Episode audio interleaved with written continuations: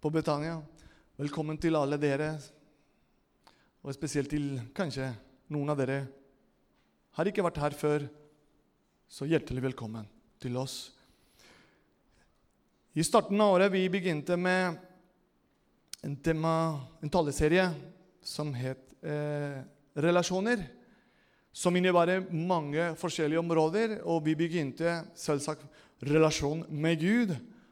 Det er der fundamentet og grunnleggende i alt vårt liv gjelder. Altså hvordan er vår relasjon med Gud? Samtidig vi gikk videre med relasjon med hverandre. Også den både vertikal og horisontal, eller hvordan du vil eh, starte. Det, det er viktig. Den med Gud og med hverandre. Og siden jeg talte ikke før søndag, fikk jeg mulighet til å fortsette å søke Gud og spørre Han ja, hva, hva vil du next? Altså, jeg, jeg vil gjerne Gud, at du skal hjelpe meg, og, og, ikke bare mine egne følelser eller tanker, som på en måte av og til kanskje hindrer det egentlig Gud vil tale til deg og til meg. Og det kom til en punkt at det, eh, egentlig Mens jeg leste Guds ord, og så så jeg mange situasjoner i forhold til relasjoner. Og en av de tingene som fikk oppmerksomheten min, var at eh, man kan ødelegge relasjoner. Men samtidig man kan bygge opp relasjoner. Så mange av dere er på sosiale medier, og, um, og allerede her kom ut uh, som en slags plakat som står 'Stolthet versus ydmykhet'. Og Det er der jeg vil gjerne å gå videre med tematikken av relasjoner. Fordi hvis det er noe som kan ødelegge relasjoner, folkens, det er stolthet. Ja, hvordan da, Fernando? Jeg kunne komme og fortelle mange episoder jeg har hatt i mitt eget liv personlig før jeg gifter meg med Andreine. Men nå er jeg gift med Andreine. Og da kan jeg også fortelle dere mange situasjoner vi har opplevd på hjemmebane i forhold til tematikken stolthet. Hvorfor sier jeg det? Fordi det er viktig å minne alle dere før jeg kommer fram opp her og har lyst til å dele med dere dette med stolthet og ydmykhet. Da allerede hadde jeg sagt til Gud, som vanligvis jeg gjør, jobbe med meg først i de forskjellige evner jeg skal dele, og tro virkelig du vil vi skal lære. Følg med i punktene jeg skal gå gjennom. Fordi dette med stolthet kan ødelegge og hindre Guds plan i ditt og mitt liv. Men har vi en løsning, folkens, og det er ydmykhet. Og ydmykhet kan bygge opp det som kanskje stolthet på en eller annen måte har prøvd å stoppe og hindre og ødelegge. Det er mange situasjoner i Bibelen, både i Gamle testamentet og Nye testamentet. Derfor jeg vil gjerne ikke ta alle som er i de situasjoner i forhold til stolthet i Gamle testamentet og Nye testamentet, men ta to-tre eksempel, tydelige eksempel som kanskje du og jeg har lest mye, men har ikke merket det, hvordan dette med stolthet er noe som er vanligvis usynlig. Spesielt for seg selv. Så mange kan se det, men du kan ikke se det. Bibelen har mange tragiske eksempel på hvordan menneskets stolthet førte dem på avveier og Historien her viser oss det samme i alle generasjoner. Dette går gjennom generasjoner hvis vi stopper ikke dette her. Uten du har merket det. Stolthet her blir kalt den første synd.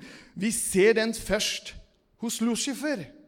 Men samtidig ser vi noe sammenheng i forhold til Adam og Eva også. Men jeg skal ta det en eksempel i forhold til Lucifer, som er djevelen, Satan. En engel egentlig som var før i himmelen. Og Skriften sier Esekiel kapittel 28, 17. Ditt hjerte ble hovmodig fordi du var vakker. Så vær forsiktig hvis du tror er vakker. Du ødela din visdom og din prakt. Da kastet jeg deg til jorden. Jeg stilte deg fram for konger, så, du, så de kunne se på deg. Og da begynte noe i Lucifer og vokser. Og det er det som på en måte I begynnelse sa jeg stolthet. Det kan begynne på en voldsom måte, men det kan vanligvis starte veldig forsiktig. På en mild måte som du kjenner ikke, men det vokser i vårt indre som vi begynner å handle, snakke, tenker på en helt annen måte som Gud egentlig vil vi skal vandre med Han. Stolthet fører til Lucifer fall, så han bruker Tenk på dette her. Som han bruker, Djevelen bruker sin stolthet til å få andre til å være trasig mot Gud, først og fremst, og gå på ødeleggens vei. Vi er alle syndige mennesker og avhengige av Gud for vår eksistens. De evner vi har, og det vi utretter med dem, har vi fra Gud. Det er ikke at vi har gjort noe eller har jobbet mye, men det er nåde. Og jeg skal gå etter hvert til det ordet nåde. Så hvordan kan vi være stolte, arrogante og skryte når ydmykhet egentlig burde prege alt det vi gjør? Det er sånn et spørsmål jeg stilte meg selv når jeg huska Når jeg egentlig oppføre deg med, mot min kone, f.eks. mot Adrina, eller mine barn, eller foreldrene. Jeg tenkte, kjære Gud, tålmodighet, det har du. Nåde er ubegrenset. Saulus, Saul, Saul, konge Saul Hvis dere husker Saul og David Mange av dere har hørt den historien fra dere var liten, de som har vokst opp i menigheten med søndagsskole og alt. Og huske hva David gjorde mot Goliat. Og all hele historien som er fascinerende. Hvordan en liten gud slår den svær Goliat. Men det er ikke kanskje der vi skal gå inn i i dag, i kveld. Det er noe med Sauls stolthet. Fordi La oss åpne Bibelen og se sjøl hva er det som skjer med Saul. I begynnelsen, når han ble salva, når han begynte å vandre i den rollen som konge. Første Samuels bok, og så går vi i kapittel 9. Jeg skal ikke gå i og lese hele kapitlet, fordi vi skal gå gjennom forskjellige kapitler og bøker i Bibelen. Men i kapittel 9 Det er så godt. Og jeg sier det er så godt, fordi det, det, det er ikke også ordene mine, som, men det er Guds ord. Så når du og jeg går inn i Guds ord, så kommer den dimensjonen av åpenbaring som jeg har bedt og fortsatt å be til Gud at du og jeg skal få når vi går inn i Guds ord, Bibelen. Kapittel 9 og 10, da er det den situasjonen hvor Samuel kommer og salver Saul og innsetter han som konge. Og så begynner Saul med den velsignelse. Tenk på det, folkens. Da han ble valgt, ble salva og begynte som konge. Det er en rolle, en posisjon. Og egentlig det er der kanskje kan være en fare for deg og meg i forhold til når du i din vandring med Jesus, i menigheten Når du på en måte har bedt til Gud 'Bruk meg, Gud'. Og så kommer du til den situasjonen at Gud kommer og, og setter deg inn i en rolle i menigheten. Eller inn i familien din, eller på jobben din. Får du den mulighet, da er hun glad, selvfølgelig, som Saul viser her. Og det er en begeistring som begynner i vårt hjerte. Men den begeistringen vi må prøve å beskytte og bevare. For det kan snu plutselig begeistring til stolthet og avhengighet. At jeg trenger ikke egentlig mer av Gud. Fordi nå har jeg fått det jeg har bedt om. Og nå egentlig kan jeg klare meg. Og jeg sier ikke som at du sier det det bokstavelig, men forstår meg. Det er det vårt indre som taler til våre hjerter uten at vi, vi visste om det. Men plutselig begynner vi å handle på det. Og Saul viser oss Det var en halleluja-stemming. Saul var glad, ble salva, og han begynte å regjere. Men kommer disse kampene i kapittel 11 Beginner han å vinne disse kriger? Tenk på det at han begynner og føler jeg er god, altså. Jeg er egentlig en bra konge. Og jeg har med meg folk som hjelper meg. Så jeg er flink, rett og slett. Dette klarer jeg. Det er ikke noe galt med det, å si det. Det som er galt, er hvis du lar disse tingene snu i ditt hjerte på en negativ måte som du aner ikke, og stolthet begynner å vokse opp. At det, det, kommer til en punkt at når Gud, selveste Gud, kommer og tar det til deg og sier 'Nå skal du ta det avgjørelse', da har du gått allerede altfor langt i forhold til det Gud har tillatt i ditt liv å gjennomføre. At når Gud egentlig snur planene dine på en måte som sier Saul, Saul jeg, jeg, jeg, skal, jeg, vil ikke at du skal ta din avgjørelse. Kan du, kan du gjøre det? Det er der hvor det ligger. For å gjøre mennesket til laks, Saul, i stedet å behage Gud og være lydig til Gud, Saul falte i forhold til den stolthet. Og det er det jeg vil både hjelpe deg og meg. Fordi det, det, når jeg taler til dere, det er nesten som jeg taler til meg sjøl når jeg forbereder, forbereder prekkene. og så Det er som på en måte Gud taler til meg. Det skal du si, Fernando. Det skal du være våken hele veien.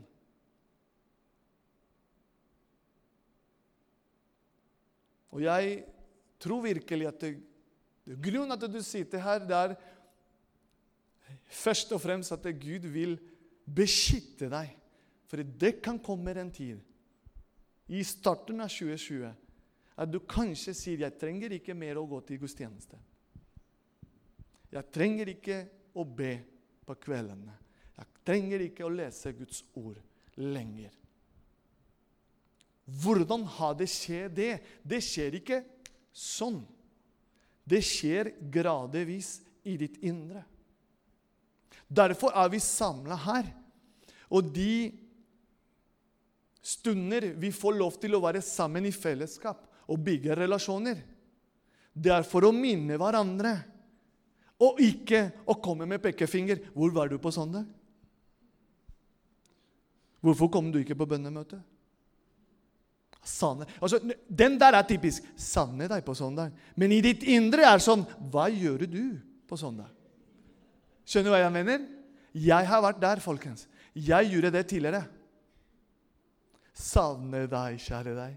Men på mitt indre var det sånn Ja, du så på fotballkamp. Det er ikke noe galt. Det som er galt, det er intensjonene mine. Som vil vise en fasade som egentlig er ikke det som er i mitt indre. Skjønner, jeg, skjønner dere hva jeg mener? Og det er der, skjønner du, Saul begynte å få unnskyldninger med Samuel. Nei, men, men, jeg prøver å gjøre det. Nei, nei, nei. nei. Samuel sier, Gud sa det. Hvorfor gjorde du ikke det? Og da kommer konsekvenser. I kapittel 15 Det har jeg lyst til å lese. Kapittel 15, vers 22.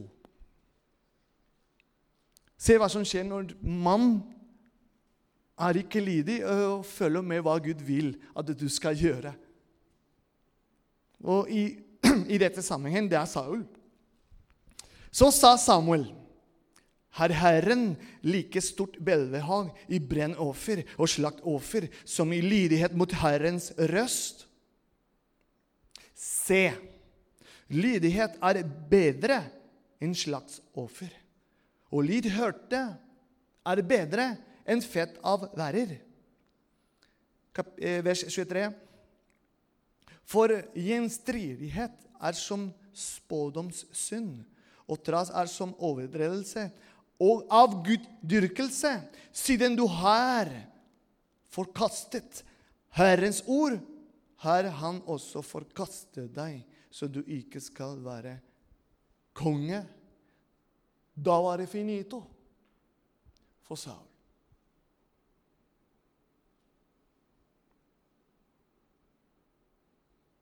Trist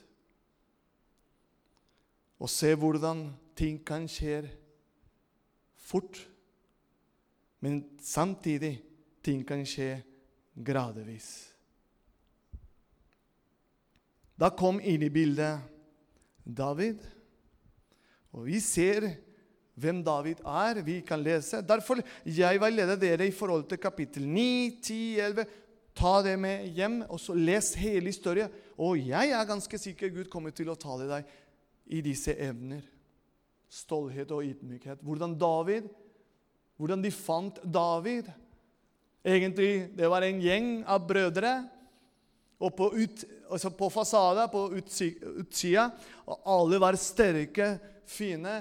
Og David var ikke engang til stede. Og de fant han. Da kommer ydmykhet. Jeg ser allerede på hjertet til David men før jeg ser dette Gud hadde sett det lengre. Hvis ikke, leser du i kapittel 16, vers 7. Men Herren sa til Samuel, for Samuel lengter etter den personen som skulle være neste kongen i Israel. Og da kom den Ja, mange menner, de brødre fra David, én og én. Fine ansikter, kroppen, alt som er Ja, dette i mine øyne kan passe som konge. Men nei. Samuel er en mann som viser oss tydelig Han hadde den sensitive ører for å høre hva egentlig Gud taler.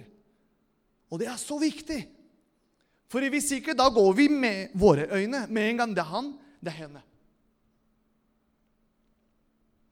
Nå skal jeg gi en eksempel som jeg tror Den hellige ånd hjelper meg her. Eh, nå når jeg sier dette Kanskje du har vært hver eneste søndag på gudstjeneste, har vært trofast. Du har vært på bønnemøte, du har vært på konferanser, du har vært på seminarer. Men når det gjelder ditt hjerte og intensjoner i forhold til din tjeneste med Han først, ikke med hverandre, men med Han først. Hvor er den hjertet? Er det bare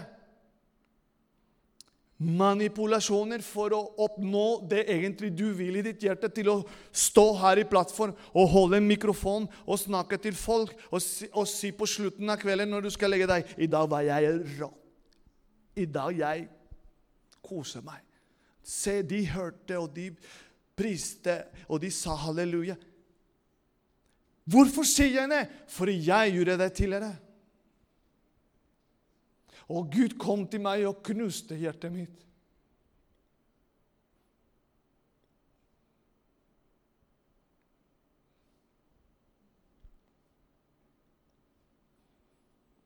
Det er ikke noe galt å få tilbakemelding, positiv tilbakemelding.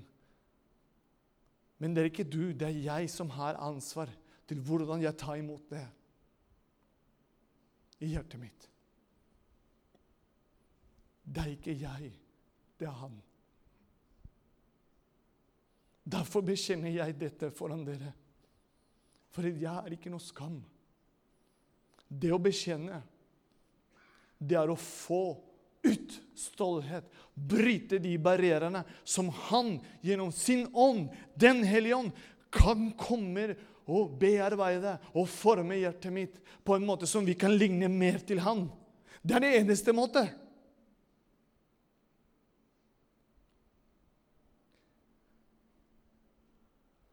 Hør dette. Men Herren sa til Samuel, se ikke på utseendet hans eller på hans kraftige skikkelse, for jeg har forkastet ham. For Herren ser ikke slikt et menneske ser. For mennesket ser på det ytre, men Herren ser her inne, i vårt hjerte, i ditt hjerte. Det er en stor forskjell og hvordan man kan bli påvirka på utseendet, på det ytre. Det er voldsomt, det skal jeg love deg. Men samtidig man kan bli skuffa og forvirra når man ble, begynner å bygge relasjoner, og kommer dette som er på innsida, ut. Da blir det sjokk. Nå har jeg gått helt en helt annen vei i forhold til notatene mine. Så nå må jeg eh, revurdere her og prøve å Men dere skjønte hva jeg mente, da? Tror jeg. Det er tre som sier det ja. Og så, ja. En annen eksempel i forhold til stolthet og ydmykhet Paulus. Kanskje du lurer på Nå, Paulus? Kanskje du har ikke lest eller vet om noe som Paulus innebar stolthet. Og det er det, dette som er fascinerende når jeg ba til Gud og ba til Den hellige ånd. Hellige ånd, hjelp meg å finne skriften i Det nye testamentet, fordi nå har jeg bare Gammeltestamentet. Og mesteparten av menigheten har hørt den historien. Men jeg vil at du skal både overraske meg og forsamlinger i forhold til dette med stolthet. Og plutselig, mens jeg leste Bibelen tidlig i dag på morgen, da kommer Paulus, Barnavas og Johannes Markus. Husker dere det? Kanskje ikke, men, men vi skal gå til, til, Guds ord. Og vi skal se på, uh, på det i Apostelen gjerninger 15. Her er det fascinerende, fordi jeg, når jeg ser dette her hm, Paulus, se der. Det kom noe ut som på en måte var interessant å lese, og samtidig å lære. Apostelen gjerninger 15. Skal vi se Ja. Paulus og Barnavas, kompis, ute og reiser på misjon. Gjøre tjeneste sammen. Og Så kom inn i bildet Silas etterpå. Men dette med Paulus og Barnavas og Johannes med til navnet Markus skal vi lese i vers 36, kapittel 5, 15, vers 36. Etter noen dager sa Paulus til Barnavas.: La oss nå dra tilbake og besøke våre søsken i hver by, der vi har forsynt Herrens ord, og se hvordan de har det. Vers 37. Barnavas var fast bestemt på at de skulle ta med seg Johannes med til navnet Markus. Men hør nå. Men Paulus var bestemt på at de ikke skulle ta med han som hadde forlatt dem i Pamfilie, og som ikke hadde fulgt dem i arbeidet. Hør nå hva som skjer i den samtalen. Paulus og Varnavas. Da ble striden så skarp. Tenk på det. Bruk litt sånn bilde inni deg. De to diskuterte nå. Jeg vil ha han med. Nei, jeg vil ikke. Jeg vil ha med. Nei, jeg vil ikke. Han gjorde det og det. Jeg vil ikke. Hvor er tilgivelse? Hvor er nåde? Hvor er tålmodighet? Det er det jeg leser og ser. Men det stopper ikke der. Altså, det ble striden så skarp at de skilte lag med hverandre. Og Barnava tok med seg Markus og seilte til Kypros. Men Paulus valgte Silas og dro fra sted. Og så videre. Johannes Markus han fulgte Paulus og hans medarbeider Barnavas på den første misjonsreisen til Kypros. Og Det står tidligere i kapittel 12 og 13. Ifølge Paulus' brev til kolossene da kommer Nå er det interessant. Let, altså, man må lese Bibelen for å få hele pakka i forhold til historien. Ifølge Paulus' brev til kolossene var Markus muligens fetter av Barnavas. I kapittel 4, vers 10 kan vi lese det. Kan vi få den på skjermen, John? Fantastisk å ha en medhjelper som Ikke sant? Da kommer Skal dere alle og hele Israel folk vite dette Når denne mannen står friks foran dere, er det med, med navnet Jesus Kristus Nazarene. Jeg tror det er ikke den. Det er Kolossene. Kolossene kapittel 4, vers 10. Da står det noe interessant i forhold til Johannes Markus. Skal vi se Kapittel 4, vers 10. Kolossene Der. Der kommer de fine navnene. Aristarkos, min medfange, hilse dere. Det samme gjør Markus, Barnavas fetter. Dere har fått beskjed om han. Ta godt imot han hvis han kommer til dere. Da snur bildet i forhold til Paulus sitt relasjon med vår kjære Johannes Markus. Tenk det med stolthet snur til noe nydelig. Ydmykhet. Og jeg tror virkelig gjennom den reiser fra apostelen til kolossene det hadde skjedd noe i forhold til kommunikasjon mellom de.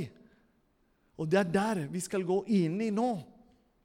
Rett inn i forhold til hvordan kan vi sammen hindre stolthet? Jo, det er å vise med hjertet, det er å vise åpenhet, ærlighet med hverandre, og bekjenner det kanskje du og jeg har tenkt om våre søsken.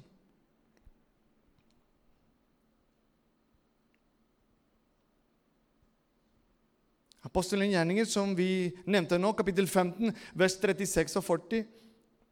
Og Der var det en strid mellom Paulus og Barnabas i forhold til Johannes Markus. Det har jeg sagt.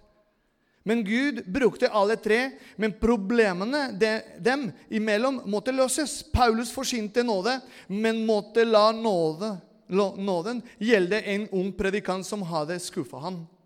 Tilgivelsens apostel måtte tilgi. Johannes Markus vokste under Barnavas veiledning, ikke Paulus. Og til slutt gjorde forandringen inntrykk på Paulus. Der, skjønner du. Du og jeg har mulighet alltid til å gjøre en positiv og bygge opp relasjoner med hverandre, om du er villig til det. Men det er grusomt vanskelig, det skal jeg love deg. Det gjelder smak, det gjelder kulturen, det gjelder tradisjoner, det gjelder måte du leser Bibelen det, Også alle disse elementer samles. Men tenk du på Jesus. Og det er vårt forbilde. Og det er det ber jeg stadig daglig. La meg, at de andre kan se deg gjennom meg, Jesus. Og det er ikke bare bare. For da kan du få smelt i ansiktet, spytte nå, nå, snakker jeg ikke fysisk, men spytte i den åndelige verden. At eh, de begynner å snakke ondt om deg når du har ikke gjort noe galt. Det gjorde de mot Jesus. De koffeste han til og med. Og det er der hvor det ligger, folkens. Er vi villige til det? Er vi villige til å til å egentlig gå den ekstra mil som Bibelen snakker om.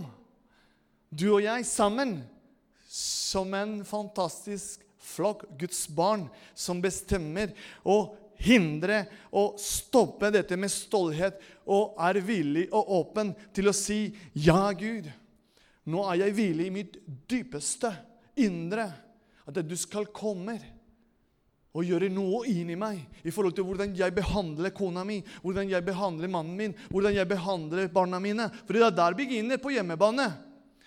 Når de, de som er vanligvis på søndag, ser ikke. Det er derfor sa jeg at når jeg begynte å forberede denne taler, da begynte jeg å tenke og gå gjennom situasjoner som jeg tenkte Kjære Fernando, hva har du sagt? Eller hva har du gjort? Og så kommer den øyeblikket. Andreina, kan jeg ta et ord med deg? Ja, hva som skjer?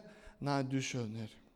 Det jeg sa i forrige kveld, som jeg skulle ja, ha lyst til å se på kampen og, og du hadde lyst til å se noe, men dere skjønner hva jeg mener.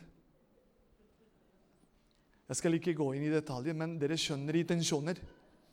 Men samtidig kommer den situasjonen at du får ikke noe respons. Så vanligvis du kommer for å bekjenne. Vanligvis du kommer for å si det fra. Jeg har bomba. Jeg, jeg har gjort noe galt. OK, det går fint. Men du forventer at det blir som en klem. Kom her. Hvorfor det? Når du har gjort det i første omgang for å få alt på plass først og fremst med han. Resten kommer til å falle på plass etter hvert. Ikke som du vil, men som han vil. Fordi han former hjertet av Andreina på en helt annen måte som han gjør med meg. Og det er der de fleste kristne folkens, vi strever å krasje mot veggen gang etter gang, fordi vi vil gjerne se Rolf eller eh, Ole Nordmann eller hva kan det være, og be på samme måte som jeg ber, eller komme på gudstjeneste så ofte som jeg kommer, eller lovprise Herren som jeg lovpriser, stå på, på stoler eller falle, eller Nei! Det er stolthet! Jeg er ikke sint, men, men, men, men skjønner dere hva jeg mener? Alle er forskjellige. Samtidig sier jeg alle er forskjellige, men Gud har skapt deg unike. Du har egne egenskaper som Gud ga til deg. Bruk det, jenta mi, gutten min. Det oppgave som jeg tror jeg har her som pastor, er å hjelpe dere, men samtidig få den respons at dere kan hjelpe meg. Sammen med lederskapet, sammen med mediearbeidere, sammen med de frivillige. Da går vi fremover. Da stolthet har ikke noe å gjøre her. du må finne en helt annet sted. Kan jeg høre en gang? Ja, men så flott. Ordspråkene, kapittel 16 vers 18. Nå har jeg gått nesten en halvtime. Dere holder litt fem som fem-ti minutter. Er det greit? Ja, flott. Ordspråkene, kapittel 16, vers 18. Stolthet kommer før sammenbrudd. Hovmod før fall. Men jeg liker en oversettelse som er i, i Bibelen, i en annen versjon. Først stolthet, så sammenbrudd jo store ego, dessuten større fall. Så enkel er Guds ord. Har du ikke lest det? Nå leser du det både der og i din bibel.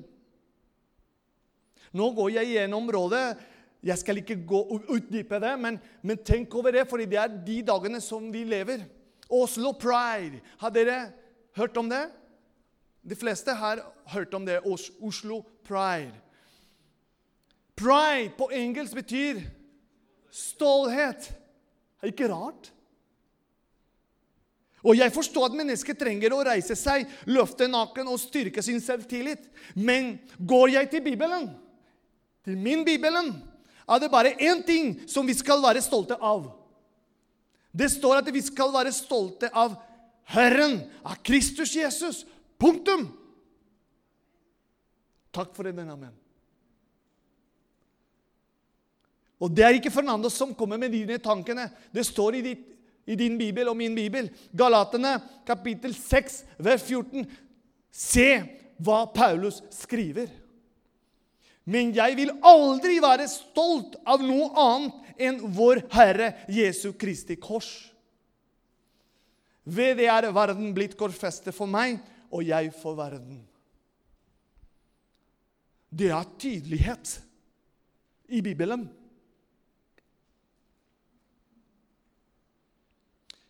I Jakob brev, kapittel 4, vers 6, står følgende Gud Skapende Gud står de stolte imot. Så mye for menneskelig stolthet også. Men det er fortsettelse som er viktig for deg og for meg å understreke. Men de ydmyke gir han nåde. Det er ditt valg og mitt valg i hvilken side vi skal være. Men de ydmyke gir han nåde. Hvilken oppreising og selvtillit er det ikke i å høre Guds til? Å, Jesus, hjelp oss. Det er bare Gud som kan gi oss et hjerte som er etter hans vilje. Gjennom Guds ord, gjennom den intimitet med Han i vår hverdagen. Ikke på en, bare en søndagsmøte eller en fin konferanse. Det er ikke noe galt med det, men det er i din intimitet. Det er din en og en, face to face med Gud. Da får vi se hvordan kommer frukten av de dagene du, du er med Han.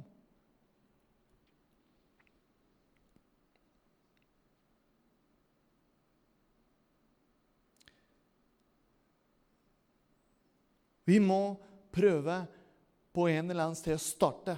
Ta det skrittet. For der er det vanskeligste.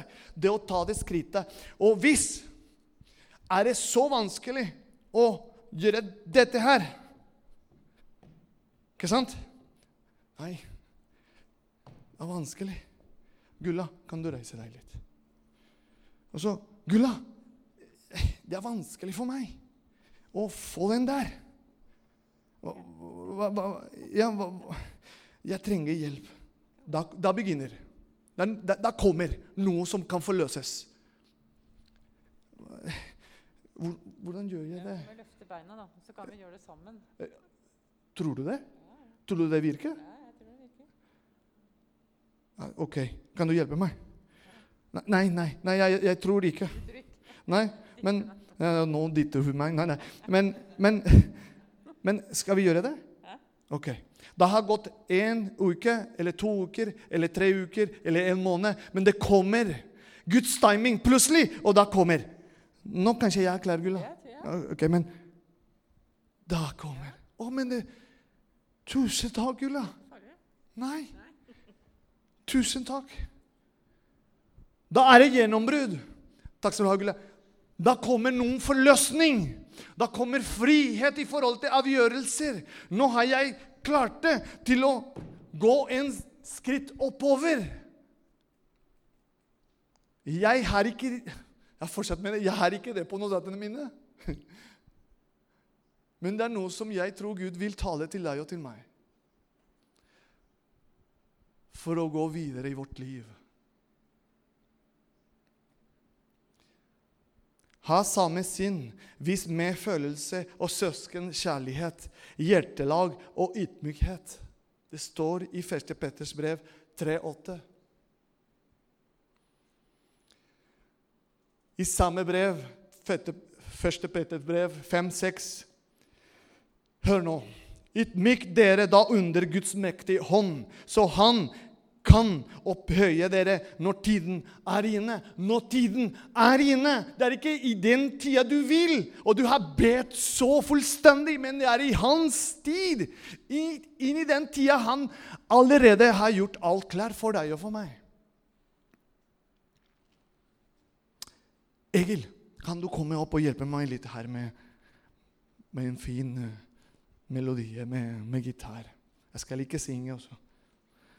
Men, uh, men jeg kan stå ved siden av deg, da. Mm. Forfatteren C.S. Lewis, det er veldig populær predikant, sier følgende med et smil. Hvis noen, hvis noen vil bli ydmyke, kan jeg fortelle om det første skritt. Første skritt er å erkjenne at en er stolt. Punktum. Da begynner du med den skrittet som jeg illustrerte. Ydmykhet er ikke en egenskap hos et menneske. Det er ikke en kvalitet. Ydmykhet er en stilling, en holdning et menneske har til seg selv, til Gud og til medmennesker. Det er en holdning. Det er en livsstil. Det er ikke at du skal vite nå skal jeg vite med å være ydmyk. Det går ikke sånn. Halleluja hvis Gud kommer og gjør det. Men ofte det er en prosess. Det er et løp maratonløp. Som det kommer kanskje vi faller, men da kommer Jesus. Kom igjen, Peter. Reis deg. Du drukte, men nei, jeg er der fordi du ropte med ydmykhet. Jeg trenger hjelp. Og så da kommer Jesus. Han hører dine bønner, folkens. Han hører deg og meg. Når det gjelder en nei fra Gud, det, det, det er ikke noe at han er sint mot deg, men han vil beskytte deg. Kanskje det ligger ikke den timingen som han har klart for deg, men stå på. Han vil forme hjertet hans i deg, og det innebærer først og fremst ydmykhet. La samme sinnelag være i dere som også var i Kristus Jesus. Han var i Guds skikkelse. Tenk på dette. Jesus Kristus sjøl han var i Guds skikkelse og så det ikke som et rov å være Gud lik, men ga avkall på sitt eget. Tok på seg tjenesteskikkelse og ble mennesker likt som deg og meg. Da han sto fram som menneske, fornedret han seg selv, ble lydig til døden, ja, døden på korset. Derfor har også Gud opphøyd ham, halleluja, til det høyeste og gir ham navnet over alle navn. I Jesu navn skal derfor hver kne bøye seg i himmelen, på jorden og under jorden. Og hver tunge skal bekjenne at Jesus Kristus er Herre til Guds Faders ære.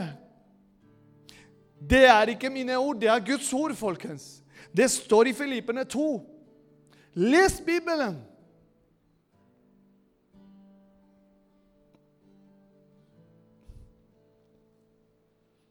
I Matteus 7, 14, Jesus snakker om det trange port. Jeg tror han går inn i det området. Trange port, det er noe med ydmykelse. Å bekjempe stolthet inni oss.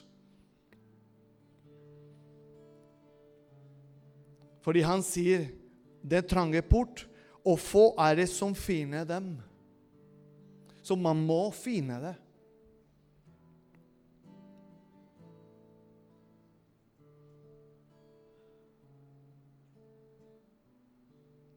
Kan vi reise oss alle sammen.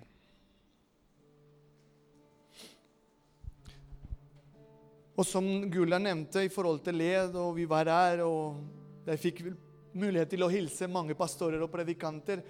Og Frank Erlandsen, som er en av de pastorer i, i Norge i pinsebevegelse, og så han er pastor i Betel Trondheim. Jeg har ikke snakket med han da vi går gjennom en taleserie, relasjoner. Jeg har ikke snakket med han at jeg skulle tale om stolthet og ydmykhet. Jeg har ikke sagt noe til han. Jeg bare sa 'godt å se deg, Frank'. Så hyggelig å se deg. Hvordan går det med familien? Ja, det går fint. Ja, Vanlige samtaler. Men plutselig skriver han tidligere i dag på sosiale medier Han skriver følgende altså, Det er helt sprått, dette her. Han skriver på sosiale medier. Stolthet prøver skjule ansiktet, våre feil og svakheter. Ydmykhet viser vårt sanne jeg på godt og ondt. Stolthet skaper avstand, og vi ser ikke klart. Ydmykhet gir nærhet og klar sinn. Å be om tilgivelse er ydmyk og sant og innrømme feil. Da taper vi ikke ansikt, men vinner respekt. Respekt er å bli sett på ordentlig mer enn en gang. Da blir ansiktet sett og funnet, ikke skjult og mistet. Kjernen til sist, før vi skal prise Herren og gir anledning til å be for hverandre. Der er det en mulighet. I den hjørnet du kan komme, og da er det noen ledere. Men samtidig, jeg tror egentlig, folkens Dette er ikke noe som Nå kommer han til å be alle sammen å komme fram. Jeg skal ikke gjøre det. Men hvis jeg gjør det, hva som skjer inni deg? Nei. Jeg skal ikke. Å, er det sånn? Da tror jeg vi har en jobb å gjøre, folkens. Inni oss. Hvorfor han skal be for meg? Er vi ikke en familie? Skjønner dere hva jeg mener? Skjønner dere hvordan stolthet gradvis, på en fin måte, kommer seg inn og stopper all velsignelse som Gud blant oss vil gjøre? Jeg kan gi mange eksempler også. I forhold til samarbeid med vår kjære søsken Livets Vann. Som jeg syns Da bryter vi. Da bryter vi alt murer i forhold til stolthet. Da kommer ydmykhet. Og det er så godt å kjenne. Men vi har en vei å gå. Og det er der jeg vil si Mens Egil er her og priser Jesus, er vi der aktive og med og priser han sammen med Egil. Og de englene som er her til stede, som kanskje med våre fysiske øyne ser ikke, men de er her fordi Jesus er her. Kan du komme fram? Jeg skal ikke være opptatt av det du Nå kommer én. Så bra. Nei. Gjør det du kjenner. Har en eller annen altar. Og Gud beveger seg overalt. Men noen av de handlinger som du kan bryte stolthet, det er å gå imot det på en måte ditt ego sier til deg. Så det er opp til deg og til meg. Der er det en mulighet. Her er det en mulighet. Eller der bak er det en mulighet. Du velger.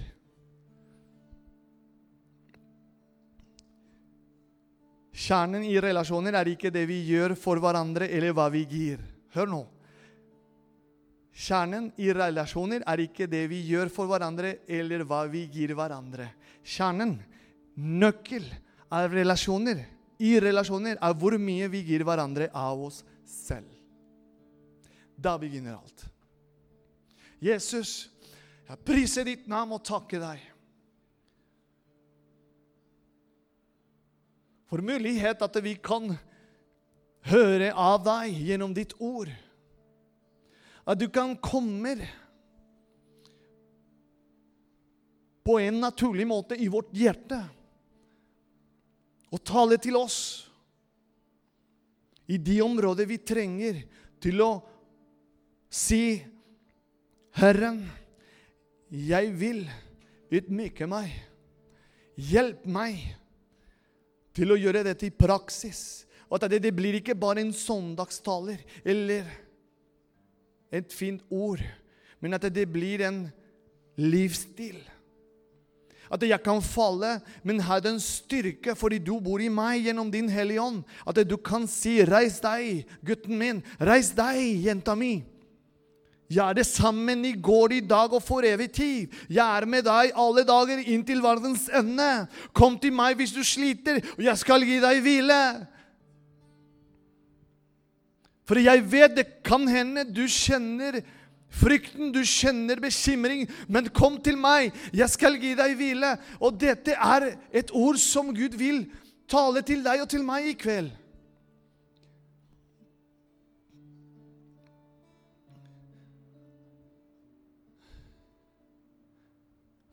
Jesus, takk. Takk, Herre. Takk, Jesus. Takk for Egil. Takk for den tjeneste. Velsigne han, Herre. Å, Jesus, takk for at vi kan få lov å tjene deg sammen. Takk, Herre, for hver enkelt som er her og representerer sitt familie. Takk, Herre, for alle disse nordmenn som er her, og utlendinger som er her, og alle sammen, Herre. Hjelp oss å forstå det handler om deg. Bare deg. Velsigne, Herre. Betania, velsigne livets vann, Herre. Nå representerer Egil Salt Skien. Velsigne menighetene i Skien også, Herre. Gi styrke, Herre, og veiledelse og visdom. At de kan også, Herre, ta dette videre. Å, Elohim, Raboni Siki. Takk, Jesus. Å, Jesus, takk, Hellige Ånd. Takk, Hellige Ånd. Takk, Hellige Ånd.